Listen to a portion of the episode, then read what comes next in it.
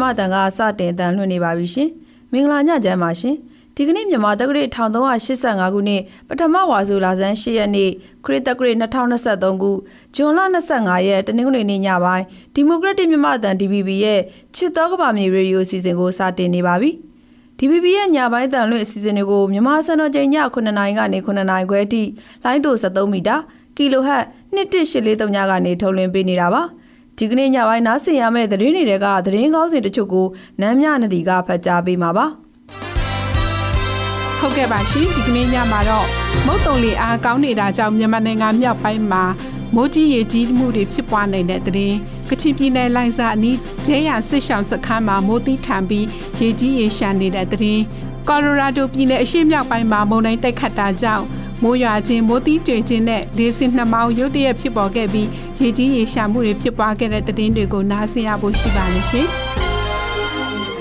ဒီသတင်းတွေပြီးမှတော့ ဒီတီတော်ထဲမှာရှိတဲ့ဓာတုပဲဖြစ်ဖြစ်ရေကာတာဆောက်လုပ်မှုများပဲဖြစ်ဖြစ်ပေါ့ဗျာအားလုံးကသူကရေကိုသူကတင်ကောစေတယ်မြန်မာနိုင်ငံမှာအခုနောက်ပိုင်းမြစ်ချောင်းတွေရေကြီးရေရှမ်းမှုပိုများလာရတဲ့အကြောင်းရင်းနဲ့ရေကြီးရေရှမ်းမှုတွေရောနေတက်တာအောင်ဆောင်ရွက်ရမယ့်အချက်တွေနဲ့ပတ်သက်ပြီးရှမ်းတဘာဝပဝန်းကျင်ထိန်းသိမ်းရေးအဖွဲ့တာဝန်ခံစိုင်းခေးဆိုင်နဲ့ဆက်သွယ်မေးမြန်းချက်ကိုထုတ်လွှင့်ပေးဖို့ရှိပါတယ်။ ဒီကနေ့ဆောင်းပါးအစီအစဉ်မှာတော့တဘာဝပတ်ဝန်းကျင်ရဲ့ကျန်းမာရေးထိခိုက်ခြင်းဟာလူသားတွေရဲ့ကျန်းမာရေးထိခိုက်ခြင်းပဲဖြစ်ပြီးကိုင်းကျုံမြင့်ကျုံကိုင်းမိတဲ့ဖွဲ့ဖြစ်တည်နေရတာပါတဘာဝပတ်ဝန်းကျင်ကျန်းမာရေးနဲ့ဆက်ဆက်နေတဲ့လူသားတွေရဲ့ကျန်းမာရေးဆောင်းပါးကိုနားဆင်ရမှာပါဒီကနေ့အစီအစဉ်တွေကိုတော့ကျမဒီဂျူလိုင်းနဲ့အတူကျမနာမြနဒီတို့ကတင်ဆက်ပေးသွားကြမှာပါ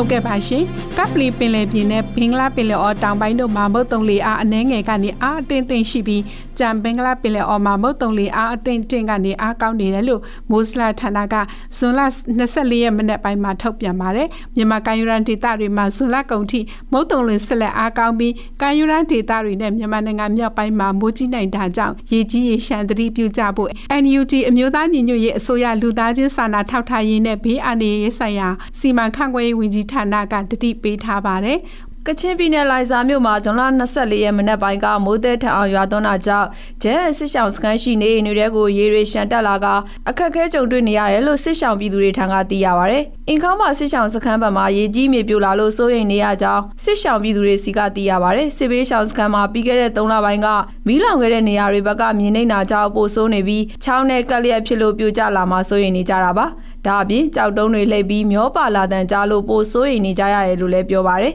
ကျဲစစ်ကြောင်စခန်းမှာစစ်ဘေးရှောင်ပြည်သူ290ဝန်းကျင်ရှိပြီးဝိုင်းမော်မြို့နယ်နဲ့ဒေါ်ဖိုးရံမြို့နယ်ကဒေသခံတွေဖြစ်ပါတယ်။လွန်ခဲ့တဲ့2011ခုနှစ်ဝန်းကျင်ကစစ်တပ်နဲ့ KIO တို့ကြားတကြော့ပြန်တိုက်ပွဲတွေကြောင့်တိုက်ပွဲရှောင်လာကြတာပါ။အလားတူကချင်ပြည်နယ်ဗမော်ခရိုင်မိုးမောက်မြို့နယ်ရှိအင်ခေါင်းပါစစ်ရှောင်စခန်းနဲ့ကုန်းဖီးပါမှာလည်းမိုးသည်ထံပြီးရေကြီးရေရှမ်းကမြေပြိုလာတာကြောင့်စိတ်ပူနေတယ်လို့ဒေသခံတွေကပြောပါတယ်။အင်ခေါင်းပါဒေသမှာမြေရှားတပ်တူတွေအများပြားတူးတာကြောင့်မြေပြိုဖို့အခြေအနေများနေတယ်လို့ဒေသခံတွေကဆိုပါတယ်။အင်ခေါင်းပါစစ်ရှောင်စခန်းဟာလည်းချောင်းဘေးမှာရှိတာဖြစ်ပြီး2011ခုနှစ်ဝန်းကျင်ကစစ်တပ်နဲ့ KIA တကြောပြန်စစ်ပွဲတွေကြောင့်မန်စီနဲ့မိုးမောက်မြို့နယ်ဘက်ကဒေသခံအင်ဂျီယာနဲ့ချီတိမ်းရှောင်လာကြတာဖြစ်ပါတယ်။ မိုးရင်းကာလကရင်အမျိုးသားအစည်းအရုံး KNU ထိန်းချုပ်နယ်မြေတမဟာတက်ရှိတော်လိုင်းရင်အင်အားစုရဲဘော်တချို့ငှက်ဖျားယောဂအဖြစ်များနေတယ်လို့ရဲဘော်တွေထံကသိရပါဗျ။မိုးရာသီဟာတောတောင်တွေထဲမှာချင်းနေအလွယ်တကူပေါက်ဖွားတဲ့ရာသီဥတုဖြစ်ပြီးချင်းကိုက်ခံရလို့ငှက်ဖျားဖြစ်ကြတာလို့လည်းဆိုပါတယ်။ငှက်ဖျားယောဂဝေဒနာခံစားရသူတို့က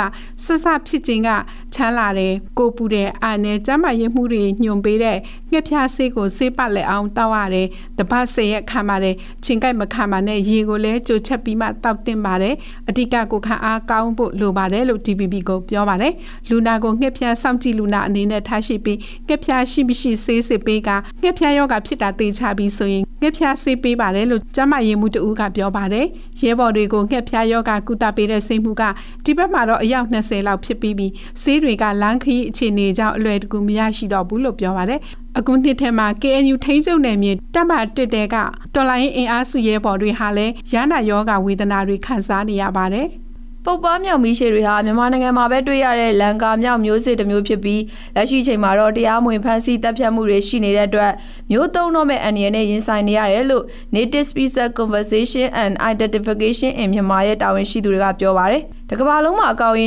250ကနေ300ကြားသာရှိတော့တဲ့မြောက်မျိုးစိတ်ဖြစ်ပြီးအဲ့ဒီအကောင်ရေကလည်းမြန်မာပြည်ထဲမှာသာရှိတာကြောင့်မျိုးသုံးမှုအလွန်အန္တရာယ်ရှိတဲ့မျိုးစိတ်အဖြစ်မှတ်တမ်းတင်ခံထားရတာဖြစ်တယ်လို့လည်းဆိုပါတယ်။ ပုပ်ပားမြောက်မီးရှည်တွေကိုအဓိကအားဖြင့်အိမ်မွေးတိရစ္ဆာန်တွေဖြစ်ရောင်းဝယ်တာတွေမွေးမြူတာတွေလုပ်ဖို့အတွက်အမဲလိုက်ကြပြီးအိမ်နီးချင်းနိုင်ငံတွေကိုလည်းအစားအစာဖြစ်ရောင်းချတာတွေရှိသလိုသူတို့ရဲ့ကိုလက်အင်္ဂါတွေကိုတိုင်းရင်းစေးဖော်ဆက်ရမှာအသုံးပြုဖို့အတွက်ရောင်းချနေတာတွေလည်းရှိတယ်လို့သိရပါတယ်။လန်ငါမြောက်ထိန်းသိမ်းနဲ့ပတ်သက်ပြီးတယန်ဇာတာနဲ့တဘာဝပတ်ဝန်းကျင်ထိန်းသိမ်းဝင်ကြီးဌာနတစ်တော်ဦးစီးဌာနက2020ခုနှစ်မှာဥပဒေအရလန်ငါမြောက်တွေကိုလုံးဝကာကွယ်ထားတဲ့တော်ရန်တလိษံဖြစ်သတ်မှတ်ကာကွယ်ပေးခဲ့ပေမဲ့အခုနောက်ပိုင်းနှစ်တွေမှာတော့ဒီမြောက်လေးတွေကိုအမဲလိုက်တပ်ဖြတ်နေတာနဲ့ပတ်သက်ပြီးဥပဒေအရအရေးယူတာတွေမြောက်လေးတွေကိုထိန်းသိမ်းတာတွေကိုတော့မကြားမိသေးဘူးလို့လည်းသူတေသနာပြုလုပ်သူတွေကပြောကြားထားပါတယ်။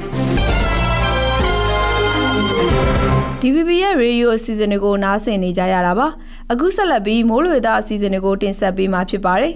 မင်္ဂလာပါရှင်ဇွန်လ25ရက်နေ့အတွက်မိုးလေဝသခမန်းချက်တွေကိုတင်ဆက်ပေးတော့မှာဖြစ်ပါတယ်ဒီကနေ့မနက်ပိုင်းဖမ်းရရှိထားတဲ့ဂျိုရူတိမ်မုံကြည့်မယ်ဆိုရင်တော့ဘင်္ဂလားပြည်နယ်ရောအနောက်မြောက်ပိုင်းနဲ့ရင်းနှီးဆက်ဆက်နေတဲ့အိန္ဒိယနိုင်ငံအော်ရီတာပြည်နယ်မြောက်ပိုင်းအနောက်ဘင်္ဂလားပြည်နယ်ကဲစီတို့မှာလေပြင်းနဲ့ရောတစ်ခုဖြစ်ပေါ်နေပါတယ် ကပ္ပလီပလန်ရင်းနဲ့ဘင်္ဂလားပင်လယ်ရောတောင်ပိုင်းတို့မှာတော့မုတ်တုံလေးအားနဲ့ငြံလေးအားတက်တက်ရှိနေပါတယ်။ဂျမ်ဘင်္ဂလားပင်လယ်ရောမှာတော့မုတ်တုံလေးအားတက်တက်ရနေအားကောင်းနေအောင်တွေ့ရပါတယ်။အနောက်ဘက်ညနေအထိမိုးလေဝသခမန်းချက်တွေနေနေရတော့မြဝကျုံမော်ရခိုင်ကဲရန်ရှောင်းနဲ့ကမ်းလွန်ပင်လယ်ပြင်တို့မှာတခါတည်းမိုးတက်လေပြင်းနေကြအောင်ပြီးတော့လှိုင်းတက်တက်ရလှိုင်းကြည့်နိုင်ပါတယ်။မိုးတက်လေပြင်းကျနေတဲ့အချိန်မှာရှင်းရှင်းမြင်မြင်လေးရတနာရီမိုင်30ရာနေ35မိုင်လောက်တက်ခတ်နိုင်ပါတယ်။ဂျမ်မြမပင်လယ်ပြင်မှာတော့လှိုင်းတက်တက်ရှိနိုင်ပါတယ်။ လိုင်းမြင့်နေရတော့မြဝကျမောရခိုင်ကဲရန်ရှောင်းနဲ့ကဲလွန်ပင်လယ်ပြင်တို့မှာ9ပြည်ကနေ9ပြည်လောက်ထိမြင့်တက်နိုင်ပြီးတော့ဗုဒ္ဓမကွေမွန်နဲ့တလင်းလိုက်ကဲရန်ရှောင်းနဲ့ကဲလွန်ပင်လယ်ပြင်တို့မှာ9ပြည်ကနေ9ပြည်လောက်ထိမြင့်တက်နိုင်ပါတယ်ရှင်။မိုးရောက်သွန်းတဲ့မုခမဲချက်တွေနေရတော့စကိုင်းတိုင်းအောက်ပိုင်းမကွေတိုင်းနဲ့ကယားပြည်နယ်တို့မှာနေရာကျကျ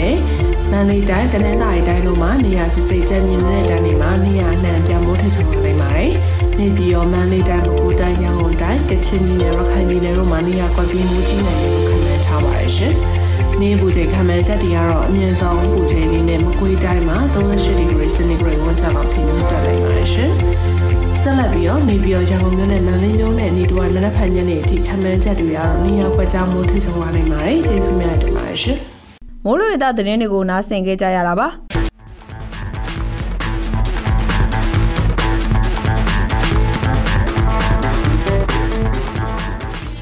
တော်တာရှင်များရှင်အခုဆက်လက်ပြီးသတင်းပေးပို့ချက်တွေကိုထုတ်လွှင့်ပေးတော့မှာဖြစ်ပါတယ်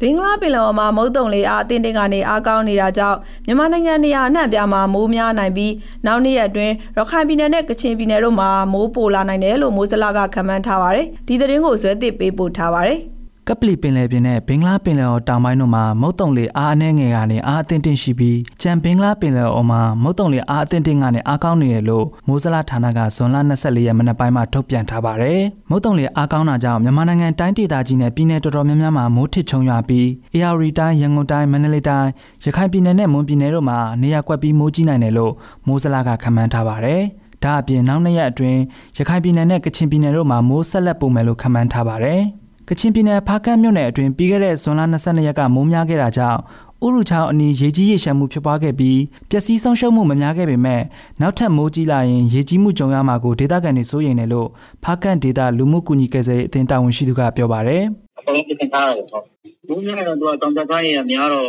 ဟာရေမိုးများတော့ဆန်တော့တော့နားရတော့ဒီပုံကြည့်ရ။အဲဒါဒီဒီလိုဆန်တော့ အဲ့ဒါနဲ့ပြန်ကြရင်တော့ဒီရက်တော့၄၅ရက်ခါရစူးတတ်တယ်ဒီလိုကဟောက်ကန်လို့ကအဲ့စီရဲရည်ကြည့်တာရက်ကြာတော့ရင်တော့ဒီလိုတွေပါလိုက်ပြီးကြည့်တာအဲမိုးများရင်တော့စိုးရိမ်တယ်မိုးများရင်တော့ဆုံးရတော့မြမကန်ယူရန်ဒေသတွေမှာဇွန်လကုန်အထိမိုးတုံလေးဆက်လက်အားကောင်းပြီးကန်ယူရန်ဒေသတွေနဲ့မြန်မာနိုင်ငံမြောက်ပိုင်းမှာမိုးကြီးနိုင်တာကြောင့်ရေကြီးရေရှမ်းသတိပြုကြဖို့အန်ယူဂျီအမျိုးသားညီညွတ်ရေးအစိုးရလူသားချင်းစာနာထောက်ထားရေးနဲ့ဘေးအန္တရာယ်ဆိုင်ရာစီမံခန့်ခွဲရေးဝန်ကြီးဌာနကသတိပေးထားပါတယ်။ မိုးလေဝသဆိုင်ရာသူတေသည့်ဦးဝင်းနိုင်ကလည်းရခိုင်ကမ်းရိုးတန်းတလျှောက်မိုးရေချိန်စုစုပေါင်း6.8လက်မလောက်ရွာနိုင်ပြီးရခိုင်ပြည်နယ်မွန်ပြည်နယ်ကရင်ပြည်နယ်ပဲခူးတိုင်းရန်ကုန်တိုင်းနေပြည်တော်စကိုင်းတိုင်းထပ်ပိုင်းမန္တလေးတိုင်းထပ်ပိုင်းကချင်ပြည်နယ်တို့မှာမိုးများနိုင်မယ်လို့ခန့်မှန်းထားပါတယ်ရခိုင်ပြည်နယ်တွေမှာတော့တောင်ကုတ်တန်တွဲခွားမြို့တွေမှာမိုးများပြီးကြံမြို့နယ်တွေမှာတော့မိုးရွာလိုက်နေတာလိုက်တလဲစီကျုံနေရတယ်လို့ဒေသခံတွေကပြောပါတယ်အဓိကမိုးမလုံးတဲ့ မိသားစုရဲ့ driver သမားအဖွဲ့တွေပေါ့နော် အဲ့ဒါတွေအကုန်လုံးလိုက်နေပြီး ကူညီပေးနေကြတာပဲခင်ဗျ ပြီးရင်ကိုယ့်ရစာဆိုတော့သူတို့တက်ကတော့ အိမ်မှာအမိုးမရှိရင်တော့စုနေရတာပေါ့ပေါ့မိုးလုံးတဲ့နေရာပဲ သွားမှာပေါ့ ဒါပဲရှိတယ်မိုးကနားလေးပဲရောအများမရောပါဘူး အခုနေနေထွက်နေမမြောက်ဘူးရကျွန်တော်တို့ ဘူးတီတောင်ဘာမှဆိုတော့ရောလိုက်တာလိုက် အဲ့ဒီလောက်ပဲလုံးနေ ရေက ဒါစားတဲ့ရောနေဆိုတော့ဟိုဟာတောင်ကြားရည်နေဆိုတော့အဲ့ဒါရေကြီးတဲ့ဟာတော့ဖြစ်တဲ့တယ်။တာရောပြီးတော့နေရနေရလာအဲ့ဒီလိုစားတဲ့ရောနေပြီဆိုရင်အဲ့ဒါရေကြီးတဲ့ဟာတော့ဖြစ်တဲ့တယ်ဇွန်လတတိယဆယ်ရက်ပတ်အတွင်းဘင်္ဂလားပင်လယ်အော်မှာလေပြင်းနဲ့ရောင်ဝန်းတစ်ကြိမ်ဖြစ်ပေါ်နိုင်ပြီးအနောက်တောင်မုတ်တုံလေးကကပလီပင်လယ်ပြင်နဲ့ဘင်္ဂလားပင်လယ်အော်တို့မှာအားအသင့်တင်ကနေအားကောင်းနိုင်တယ်လို့မိုးစလာကထုတ်ပြန်ထားပါတယ်။ ဇွန်လတတိယပတ်အတွင်းစကိုင်းတိုင်းထပ်ပိုင်းပဲခူးတိုင်းရန်ကုန်တိုင်းအေရရီတိုင်းတနင်္သာရီတိုင်းရှမ်းကချင်ချင်းမွန်နဲ့ကရင်ပြည်နယ်တို့မှာ9ရက်ကနေ10ရက်နီးပါးနေပြည်တော်စကိုင်းတိုင်းအောက်ပိုင်းမန္တလေးတိုင်းမကွေးတိုင်းနဲ့ကယားပြည်နယ်တို့မှာ3ရက်ကနေ6ရက်လောက်မိုးထစ်ချုံရွာနိုင်တယ်လို့မိုးစလာကခန့်မှန်းထားပါတယ်။ဘင်္ဂလားပင်လယ်အော်မှာမုတ်တုံလေးအားအသင်းတွေကနေအားကောင်းနေတာကြောင့်မြန်မာနိုင်ငံနေရာအနှံ့ပြားမှာမိုးများနိုင်တဲ့သတင်းကိုနားဆင်ခဲ့ကြရတာပါ။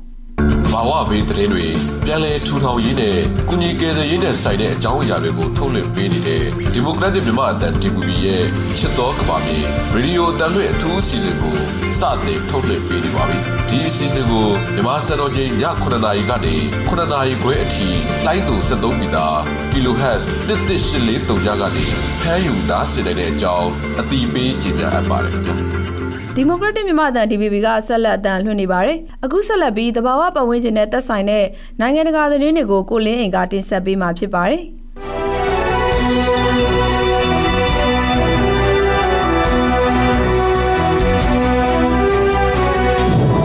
တရုတ်နိုင်ငံမြို့တော်ပေကျင်းကိုဇွန်လ22ရက်နဲ့23ရက်တွေကတမိုင်းဝင်ပူလိုင်းဝင်ရောက်ခဲ့ပြီးအပူချိန်4ဒီဂရီစင်တီဂရိတ်ဝန်းကျင်အထိမြင့်တက်ခဲ့ပါတယ်။ ပေကျင်းမြို့တောင်ပိုင်းမှာအပူချိန်ဟာဇွန်လ22ရက်15နာရီ19မိနစ်မှာ41.1ဒီဂရီစင်တီဂရိတ်အထိရှိခဲ့ပြီးဒုတိယအမြင့်ဆုံးအပူချိန်ဖြစ်တယ်လို့ပေကျင်းမိုးလေဝသဌာနကသိရပါတယ်။ ပေကျင်းမိုးလေဝသဌာနမှာစံချိန်တင်အမြင့်ဆုံးပူချိန်ဟာ1999ခုနှစ်ဇူလိုင်လ24ရက်မှာ41.6ဒီဂရီစင်တီဂရိတ်ဖြစ်ပါတယ်။တရုတ်နိုင်ငံမြို့တော်ကပန်းခြံငယ်တစ်ခုမှာလူတွေများနေပြီးဒေသခံတွေဟာခုံတန်းလျားတွေပေါ်မှာထိုင်နေတာတွေနေ့လယ်အချိန်ကစားကွင်းတွေမှာကစားနေကြတာတွေဟာခါတိုင်းမြင်ရခဲ့တဲ့မြင်ကွင်းတွေဖြစ်ပါတယ်။ဒီပူလောင်နေတဲ့ပူလိုင်းဟာဇွန်လ22ရက်မှာစတင်ခဲ့တဲ့ငကားလေပွဲတော်သို့မဟုတ်ဒွမ်မူပွဲတော်လို့လူသိများတဲ့၃ရက်ကြာအားလပ်ရက်တွေနဲ့လည်းတိုက်ဆိုင်နေတဲ့အတွက်လမ်းပေါ်မှာလာဆောင်ကြသူတွေဟာပစ္စည်းပို့ဆောင်ရေးရေမောင်းတွေအများစုဖြစ်တယ်လို့ CGTN ရုပ်သံသတင်းမှာထုတ်လွှင့်ပါတယ်။ဗဟိုမိုးလေဝသဗျူရိုကလေမော်ရောင်တတိပေးချက်ထုတ်ပြန်ထားပြီးတရုတ်နိုင်ငံမြောက်ပိုင်းရဲ့အရှေ့ဘက်နဲ့မြစ်ဝမြစ်နဲ့ဟွိုင်ဝေးမြစ်ကြားကနေရာတွေဖြစ်တဲ့ဟွမ်ဟိုင်းဒေသဟာလာမယ့်၈ရက်ကနေ၁၀ရက်အထိပူချိန်မြင့်မားနေမယ်လို့ခန့်မှန်းထားပါတယ်။မိုးလေဝသဗျူရိုရဲ့အဆိုအရပူလိုင်းဟာမြို့တော်ရဲ့နေရာအနှံ့ပြားမှာဇွန်လ24ရက်အထိတက်ရောက်ဖွယ်ရှိတယ်လို့ဆိုပါတယ်။တရုတ်နိုင်ငံမှာပူချိန်မြင့်မားမှုအတွက်ရောင်စုံအဆင့်သုံးရာသီဥတုသတိပေးစနစ်ရှိပြီးအပြင်းထန်ဆုံးသတိပေးချက်ကိုအနီရောင်နဲ့ကုစားပြုပြီးသူ့နောက်မှာလေမော်ရောင်နဲ့အဝါရောင်တို့ဖြစ်ကြပါတယ်။ ချီလီနိုင်ငံအလဲပိုင်းနဲ့တောင်ဘက်ပိုင်းမှာဇွန်လ23ရက်တောက်ကြနေ့ကစောင်းရသည်ကိုစတင်လိုက်တဲ့မိုးရွာသွန်းမှုကြောင့်ရေကြီးပြီးမြစ်ရေရှမ်းကလမ်းပိတ်ဆို့တာတွေဖြစ်ခဲ့ပါတယ်။ပြီးခဲ့တဲ့ဆယ်စုနှစ်တွေအတွင်းမိုးခေါင်မှုတန်ခံခဲ့ရတဲ့ဒီဒေသတွေမှာမိုးတဲထန်သာရွာသွန်းပြီးတဲ့နောက်မှာဒေသခံတွေဟာနေအိမ်တွေထဲရေတွေဝင်လို့ရုန်းကန်ခဲ့ကြရပါတယ်။ ဆန်တီယာဂိုပက်ထရိုပိုလီတန်ဒေသရဲ့အုပ်ချုပ်ရေးမှူးကလောက်ဒီယိုအော်ရီယိုကမီတာ3000မြင့်မှာမိုးရွာတာဖြစ်ပြီးဒီရေတွေကလူတွေကိုအန္တရာယ်ဖြစ်စေတာဟာ10နှစ်အတွင်းအဆိုးရွားဆုံးရာသီဥတုပါပဲလို့ပြောပါတယ်။မြို့တော်ဆန်တီယာဂိုမှာတညာလုံးမိုးတဲထန်သာရွာသွန်းတဲ့အတွက်မာပိုချိုမြစ်ရဲ့ကမ်းပါးတွေပြိုကျခဲ့ပြီးရွှွန့်ရည်စည်းကြောင်းတွေဟာလမ်းတွေပေါ်လွှမ်းမိုးသွားကရေထဲမှာမော်တော်ယာဉ်တွေနဲ့နေအိမ်တွေနှိမ့်မြုပ်ကုန်ပါတယ်။ မိသားစုပေါင်းများစွာပျက်စီးခဲ့ရပြီးကာယွန်တဲမိုက်ပိုခီးသွားဆောင်ကိုပြောင်းရွှေ့ခဲ့ကြရပါတယ်။အာနာပိုင်တွေဟာအနီရောင်တတိပေးချက်ထုတ်ပြန်ခဲ့ပြီးမြို့တော်တောင်ပိုင်းကမြို့တွေနဲ့ရက်ရအများပြားမှာကြိုတင်ကာကွယ်မှုတွေပြုလုပ်ဖို့ညွှန်ကြားထားပါတယ်။ဇွန်လ24ရက်ဒီမိုးရွာသွန်းနိုင်တယ်လို့လည်းခန့်မှန်းထားပါတယ်။ အမေရိကန်ပြည်ထောင်စုကော်လိုရာဒိုပြည်နယ်ရှေ့မြောက်ပိုင်းမှာဇွန်လ23ရက်ကမှုန်တိုင်းတွေတိုက်ခတ်ခဲ့ရာကနေမိုးရွာတာမိုးတိကျွတာနဲ့လေစင်နံမောင်းတွေရုတ်တရက်ဖြစ်ပေါ်လာပြီးနောက်မှာဒေသတွင်းရေကြီးရေချမ်းမှုတွေဖြစ်နေပါတယ်။မှုန်တိုင်းဟာ၄နာရီကျော်ကြာတိုက်ခတ်ခဲ့ပြီးမိုးရေချိန်2လက်မကနေ6လက်မကြားမိုးရွာသွန်းခဲ့တဲ့အတွက်မြစ်လက်တက်တွေမှာပါရေတွေပြည့်နှက်ပြီးလမ်းတွေနဲ့လယ်ကွင်းတွေပါရေနှင်းမြုပ်ကုန်ပါတယ်။ မှုန်တိုင်းကြောင့်ရုံးခန်းအဆောက်အုံတစ်ခုရဲ့စိတ်တစ်ပိုင်းပြိုကျခဲ့ပြီးဒေသမှာတအားပြတ်တောက်ခဲ့တယ်လို့သတင်းစာကဖော်ပြထားပါတယ်။ဒီရေလမ်းမှုမှုဟာကော်လိုရာဒို၊နီဘရာစကာနဲ့ဟိုမင်းဆောင်ရွက်နေရာမှာတည်ရှိတဲ့တောင်ပိုင်းပလက်တီမြစ်ဝှမ်းဒေသမှာဖြစ်ပွားခဲ့တာပါ။ ရာသီဥတုပြောင်းလဲမှုကြောင့်ထိုင်းနိုင်ငံတောင်ပိုင်းချွန်ဖွန်ပြည်နယ်ကကမ်းခြေမှာ3ကီလိုမီတာကနေ4ကီလိုမီတာအတွင်းထောင်ထဲချီတဲ့ငါးသေးတွေမျောပါနေပြီးဒါဟာရေမျောပန်းဝင်နေကြောင်းလို့ကျန်းကျင်သူတို့ကပြောကြားခဲ့ပါတယ်။ဇွန်လ22ရက်နေ့မှာငါးတွေသေဆုံးရတာဟာရေထဲမှာအောက်ဆီဂျင်ပါဝင်မှုလျော့နေပြီးငါးသက်ရှူကျက်စေတဲ့သဘာဝဖြစ်စဉ်တစ်ခုကြောင့်လို့ကဇက်စတာတက္ကသိုလ်ကငါးလုပ်ငန်းဌာနလက်ထောက်မှုတွန်တန်ယောင်နာဝါဆိုကပြောပါတယ်။ ဒေသဆိုင်ရာအာဏာပိုင်တွေရဲ့အဆိုအရရေမျောပန်းဝင်နေဟာတစ်နှစ်ကိုတစ်ကြိမ်ကနေနှစ်ကြိမ်ဖြစ်ပွားပြီးပုံမှန်အားဖြင့်2ရက်ကနေ3ရက်အထိကြာတတ်ပါတယ်။တာဝန်ရှိသူတွေကဆက်လက်ကဲဖြတ်ဖို့နဲ့ခွဲခြားစိတ်ဖြာဖို့အတွက်ပင်လယ်ရေကိုစုဆောင်းခဲ့ပါတယ်။တက်ဆက်ကကမ်းခြေတွေမှာထောင်ထဲချီတဲ့ငါးသေးတွေမျောပါလာကပင်လယ်ပူချိန်မြင့်တက်လာမှုကြောင့်ဗြိတိန်ကမ်းခြေတစ်လျှောက်ရေညှိတွေပွင့်ထက်နေမယ်လို့ကျန်းကျင်သူတွေကသတိပေးထားပြီး2023ခုနှစ်မှာပင်လယ်ရေပူလိုင်းတွေတိုးလာတာဟာစိုးရိမ်စရာဖြစ်လာပါတယ်။ကမ္ဘာပင်လယ်ရေမျက်နှာပြင်အပူချိန်ဟာဧပြီလနဲ့မေလတွင်းမှာစံချိန်တင်အမြင့်ဆုံးဖြစ်ခဲ့တယ်လို့ဗြိတိန်မိုးလေဝသရုံးကနေသိရပါတယ်။ ကျင်နဲ့သက်ဆိုင်တဲ့နိုင်ငံတကာသတင်းတွေကိုနားဆင်ကြကြရတာပါ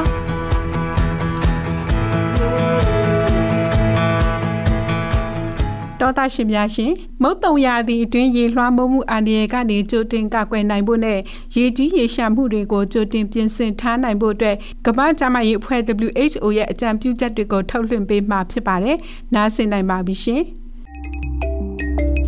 ရေတက်ခန်းချောက်ခြင်းမှာကာကွယ်ဖို့ဓာတ်စားရည်ပြုလုပ်ပုံအစဉ်စဉ်ကိုပြောပြပေးသွားမှာပါ။ရေတလီတာကိုတက်ရှင်သောဦးတလုံးဖြစ်ကြိုချက်ပါ။ရေကိုအချိန်နှဲငယ်ကြာသည့်အထိအေးခံထားပါ။ဓာတ်စားရည်မပြုလုပ်မီလက်ကိုတန့်ရှင်းအောင်စေးကြောပါဓာတ်စားမုတ်ကိုရေထဲထည့်ပြီးရောမွေပါတန့်စင်သောပကံခွက်ရောက်သို့မဟုတ်ပလင်းကိုအသုံးပြု၍ဓာတ်စားရည်ကိုသိမ်းစီပါနှစ်နှစ်အောက်ကလေးများအတွက်ဓာတ်စားရည်လေးပုံတစ်ပုံမှာခွက်တဝက်စာအထိတိုင်နိုင်သည်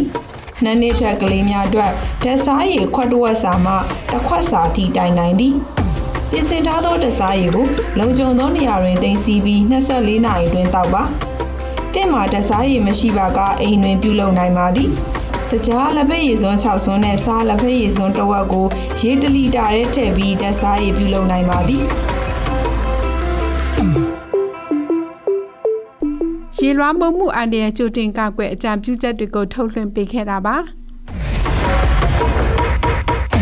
Inform MM application နဲ့ဆိုရင်ယုံကြည်ရတဲ့မြန်မာမီဒီယာတွေရဲ့သတင်းတွေကိုတနေရာထဲမှာသစုသစည်းတဲ့ရယူနိုင်ပါတယ်။ဒီ application ကအခမဲ့ဖြစ်လို့အခုပဲ Google Play Store ကနေ download ဆွဲပြီး DVB ရဲ့သတင်းတွေ podcast တွေနဲ့တခြားစိတ်ဝင်စားစရာအကြောင်းအရာတွေကိုဝင်ရောက်ကြည့်ရှုလိုက်ပါနော်။ တော်တာရှင်များရှင် DVB ရဲ့ချစ်တော်ကပါမြေရေဒီယိုအစီအစဉ်ကိုနားဆင်နေကြရတာပါ။အခုဆက်လက်ပြီးဆက်သွယ်မေးမြန်းချက်ကိုထုတ်လွှင့်ပေးမှာဖြစ်ပါတယ်။မြန်မာနိုင်ငံမှာအခုနောက်ပိုင်းမြစ်ချောင်းတွေရေကြီးရေရှမ်းမှုပိုများလာရတဲ့အကြောင်းရင်းနဲ့ရေကြီးရေရှမ်းမှုတွေရောနဲ့တက်တာသွားအောင်ဆောင်ရွက်ရမယ့်အချက်တွေနဲ့ပတ်သက်ပြီးရှမ်းတဘာဝပတ်ဝန်းကျင်ထိန်းသိမ်းရေးအဖွဲ့တာဝန်ခံစိုင်းခေးဆိုင်နဲ့ဆက်သွယ်မေးမြန်းထားပါတယ်။နားဆင်နိုင်ပါပြီရှင်။ မြန်မာနိုင်ငံမှာလေအခုနောက်ပိုင်းရေကြီးရေရှာမှုတွေပိုပြီးများလာတာကိုတွေ့ရပါတယ်ရှင်အဲ့ဒါဘာကြောင့်ဖြစ်ပါသလဲရှင်ပထမဦးဆုံးကျွန်တော်မြန်မာပြည်မှာဖြစ်တာကဒီတိတော်ပြုံးသိမှုတိတော်ပြုံးသိမှုဖြစ်စေရဲ့အကြောင်းကသူကတိထုတ်လုံးမှုများတာတကယ်ဒီတိတော်ထဲမှာရှိတဲ့ဓာတုပဲဖြစ်ဖြစ်ရေကာတာဆောက်လုံးမှုများပဲဖြစ်ဖြစ်ပေါ့ပဲအားလုံးကသူကရေကိုသူကတင်ကောစေတယ်ရေမြစ်ချောင်းများကိုတင်ကောစေတဲ့အချိန်ကျတော့သူကရေကြီးရေရှာမှုကပို့ပြီးတော့ဖြစ်ရတာလွယ်တယ်ဘာဖြစ်လဲဆိုတော့တစ်ပင်တွေမရှိတဲ့အချိန်ချိန်ကျမိုးရွာလာတဲ့ချိန်ကျသူကတစ်ပင်ကခြုံပုတ်တွေကတကွသူကအဲ့ဒီရေကိုထိန်းညှိနိုင်စွမ်းမရှိတော့မရှိနိုင်တဲ့အချိန်ကျသူကရေချောင်းတဲ့ကိုသူကတလောဟောသူကစီးကြလာတယ်စီးကြလာတဲ့အချိန်ကျသူကအဲ့ဒီချောင်းမြောင်းတွေကတင်ကောနေတဲ့အချိန်ဖြစ်တဲ့အချိန်ကျသူကတဘာဝရေကြီးတန်ကိုသူခံနိုင်ဖို့မပြောနဲ့ပေါ့ဗျာအာတခါအဲ့ဒီ ရေကလာဆောက်လုပ်မှုရှိတဲ့ဒေသတွေကရေကိုထပ်လွတ်လိုက်တဲ့ချိန်ကျအဲ့ဒီဟာတွေအလုံးပေါင်းသွားတယ်ပေါင်းသွားတဲ့ချိန်ကျသူကအဲ့ဒီအလုံးကသူကတင်ခေါ်နေတဲ့မြစ်ကိုသူကရှန်ထပ်ပြီးတော့ရေကြီးရေရှမ်းမှုကစဖြစ်လာတယ်ဒါပေမဲ့ပထမဦးဆုံးအာအခြေခံရင်းမြစ်ကသူကတည်တော်နဲ့ဆိုင်တဲ့ဟာတွေအကုန်လုံးထုတ်ယူမှုကများတယ်များတဲ့ချိန်ကျတော့ပြုံးတိမှုအဆင့်ဖြစ်လာတယ်ပေါ့နော် ပြုံးနေမှုအဆင့်ဖြစ်လာတဲ့အချိန်ကျတိတော်တွေပြက်လာတာဖြစ်တယ်။ဒါကြောင့်မို့တိတော်ပြုံးနေမှုကအမျိုးမျိုးရှိတာပေါ့ဗျာ။ဒီကလာဆောက်တာတွေတတ်တူတူတွင်းလောက်တာတွေပြီးတော့တိတော်ဆိုင်ရာထုတ်လုပ်မှုတွေအများဆုံးဖြစ်တယ်။အဲ့ဒါတွေကဧကတအားကြီးရဲ့အချိန်ကျတော့ပြန်လဲပြုပြင်ဖို့ပြန်လဲစိုက်ဖို့ကနှစ်နဲ့ဆယ်နှစ်အထက်လောက်မှသူကယူရတယ်ဆိုတော့တိပင်တပင်ကြီးဖို့မလွယ်ဘူးလေအဲ့ဒါကြောင့်မို့အဲ့ဒါတွေကအစသူကချောင်းမြောင်းတွေရေကနေတင်ကောပြီးတော့အဲ့ဒီတဘာ ပြုံးတီးမှုတွေဖြစ်လာတဲ့အချိန်ကျအဲ့ဒီဆဆက်ဆက်မှုကရေကြီးရေရှာမှုတွေကနှစ်စင်လို့ ဖြစ်လာတဲ့ကိစ္စအဲ့ဒီဟာတွေကြောင့်ဖြစ်တယ်ပေါ့နော်ဟုတ်ကဲ့ပါရှင်ရေကြီးရေရှာမှုတွေရော့နေတက်တာသွားအောင်အဲဘာတွေဆောင်ရွက်ရမလဲရှင်အာရေကြီးရေရှာမှု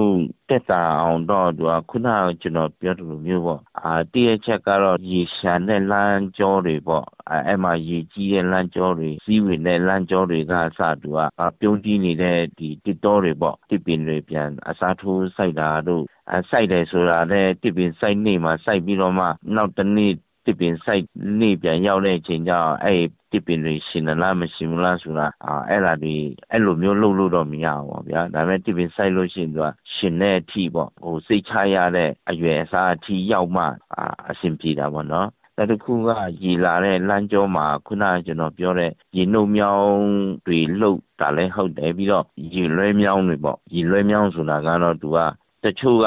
မြစ်ကြောင်းတစ်ခုထဲမှာသူကရေနှုတ်လိုက်တာနဲ့ ဟိုရေမရှာနိုင်တော့လို့ပြောလို့များဒါကြောင့်မို့ကျွန်တော်တို့ကအဲ့ဒီရေကိုနောက်ထပ်လွှဲနိုင်မဲ့နေရာပေါ့တခြားနေရာကိုလွှဲပြောင်းနိုင်တဲ့နေရာတွေပေါ့ဗျာ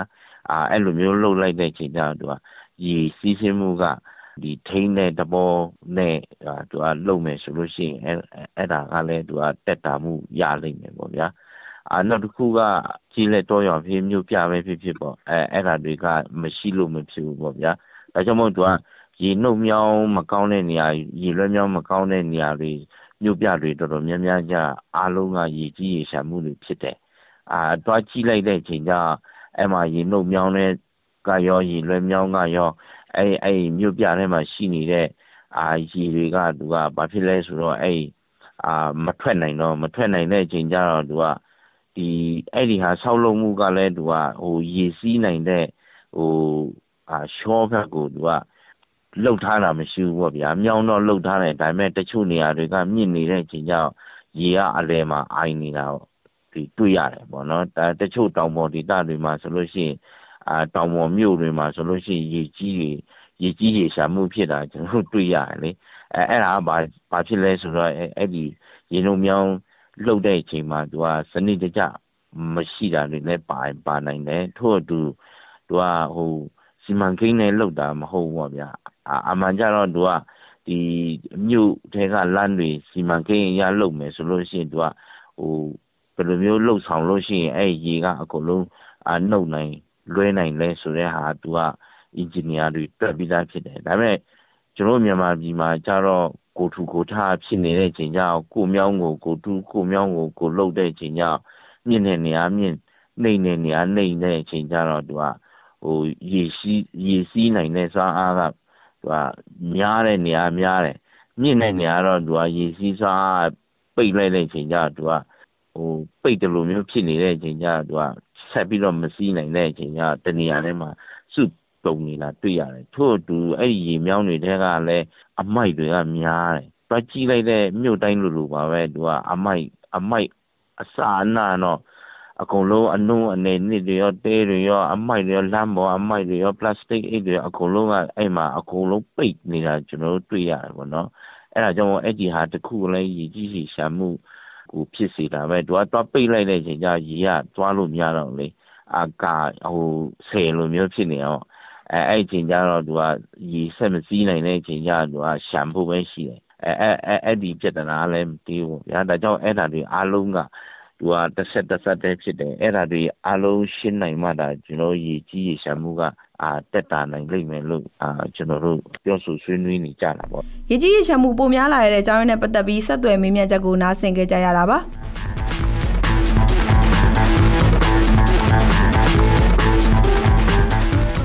DPP Radio အစီအစဉ်တွေကိုနားဆင်နေကြရတာပါတောတာရှင်များရှင်အခုဆက်လက်ပြီးစောင်းပါအစီအစဉ်ကိုထုတ်လွှင့်ပေးပါတော့မယ် ဒီကနေ့မှာတော့အောင်ပင်လယ်လူမှုဝင်ကျင်မဂ္ဂဇင်းမှာစောင်းပါရှင်သဘယ်အောင်ရေးသားထားတဲ့တဘာဝပဝင်ကျင်ကျမ်းမာရေးနဲ့ဆက်ဆက်နေတဲ့လူသားတွေရဲ့ကျမ်းမာရေးစောင်းပါကိုထုတ်လွှင့်ပေးပါမယ်နော်နိုရင်းကဖတ်ကြားပေးထားပါတယ်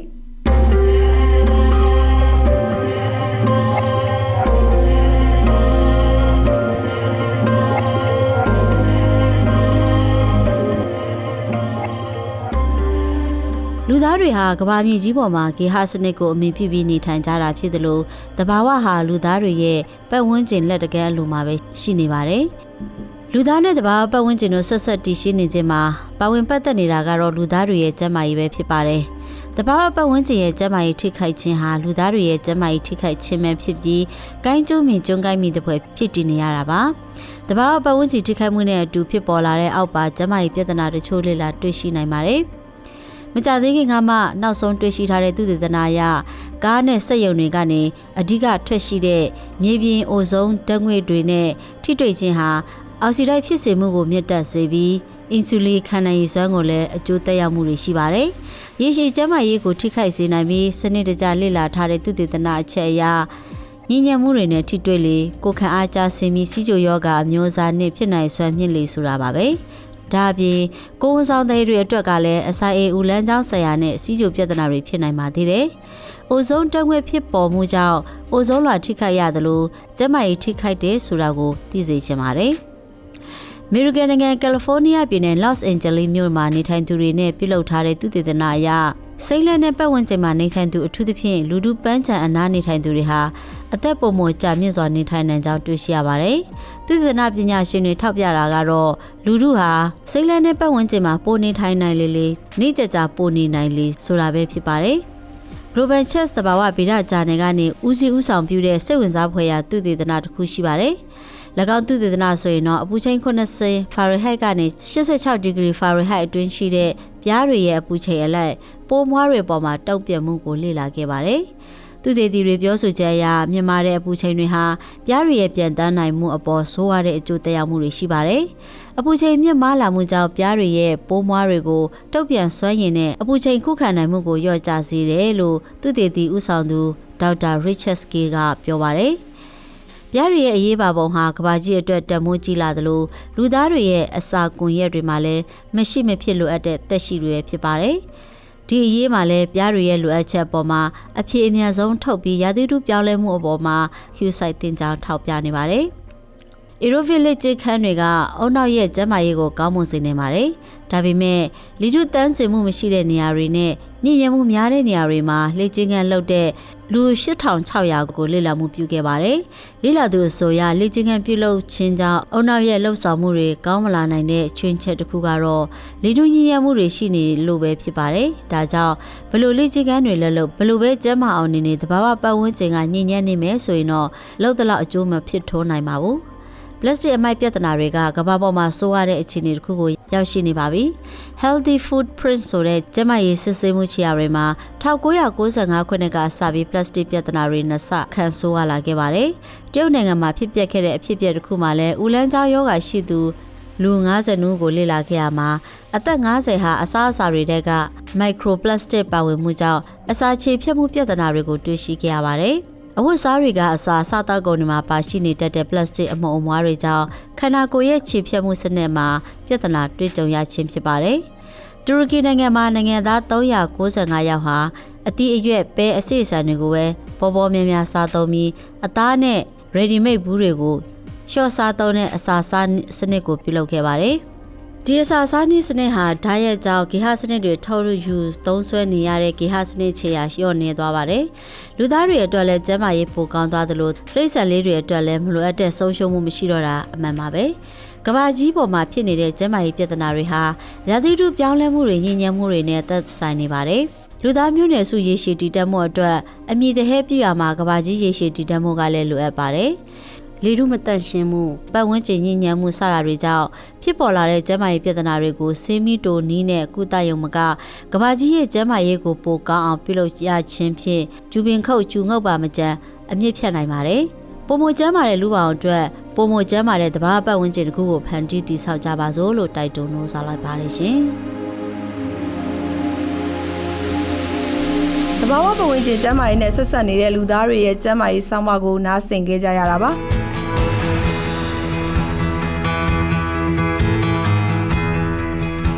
ဒီမိုကရက်တစ်မြန်မာအသံ DVB ရဲ့ချစ်တော်ကဘာမြေတနင်္ဂနွေနေ့ညပိုင်းရေဒီယိုအသံလေးအစီအစဉ်လေးဒီမှာပဲပြီးဆုံးပြီဖြစ်ပါတယ်။ဒီအစီအစဉ်ကိုမနေ့ပြန်မှာလဲမြန်မာစံတော်ချိန်ည9:00နာရီကနေ9:00နာရီခွဲအထိလိုင်းတို73မီတာကီလိုဟတ်2183ညကနေထုတ်လွှင့်ပေးနေဦးမှာမို့စောင့်မျှော်နားဆင်နိုင်ပါတယ်။ DVB ရဲ့ချစ်တော်ကဘာမြေရေဒီယိုတန်လေးအစီအစဉ်တွေကိုအင်တာနက်စာမျက်နှာ www.burmese.dvbno website Facebook YouTube နဲ့ DVB New Pocket Channel Spotify Apple နဲ့ Google တို့မှာလည်း smartphone ကနေတဆင့်နားဆင်နိုင်တဲ့အကြောင်းသတင်းကောင်းပါအပ်ပါတယ်။ဒီကနေ့အစီအစဉ်တွေကိုတော့ကျမဒီဇူလိုင်နဲ့အတူနမ်းမြနဒီတို့ကတင်ဆက်ပေးခဲ့ကြတာပါတောတာရှင်ပေါင်းကျမ်းမာချမ်းသာကြပါစေ DBB ကိုနားဆင်တဲ့အတွက်အထူးပဲကျေးဇူးတင်ရှိပါတယ်ရှင်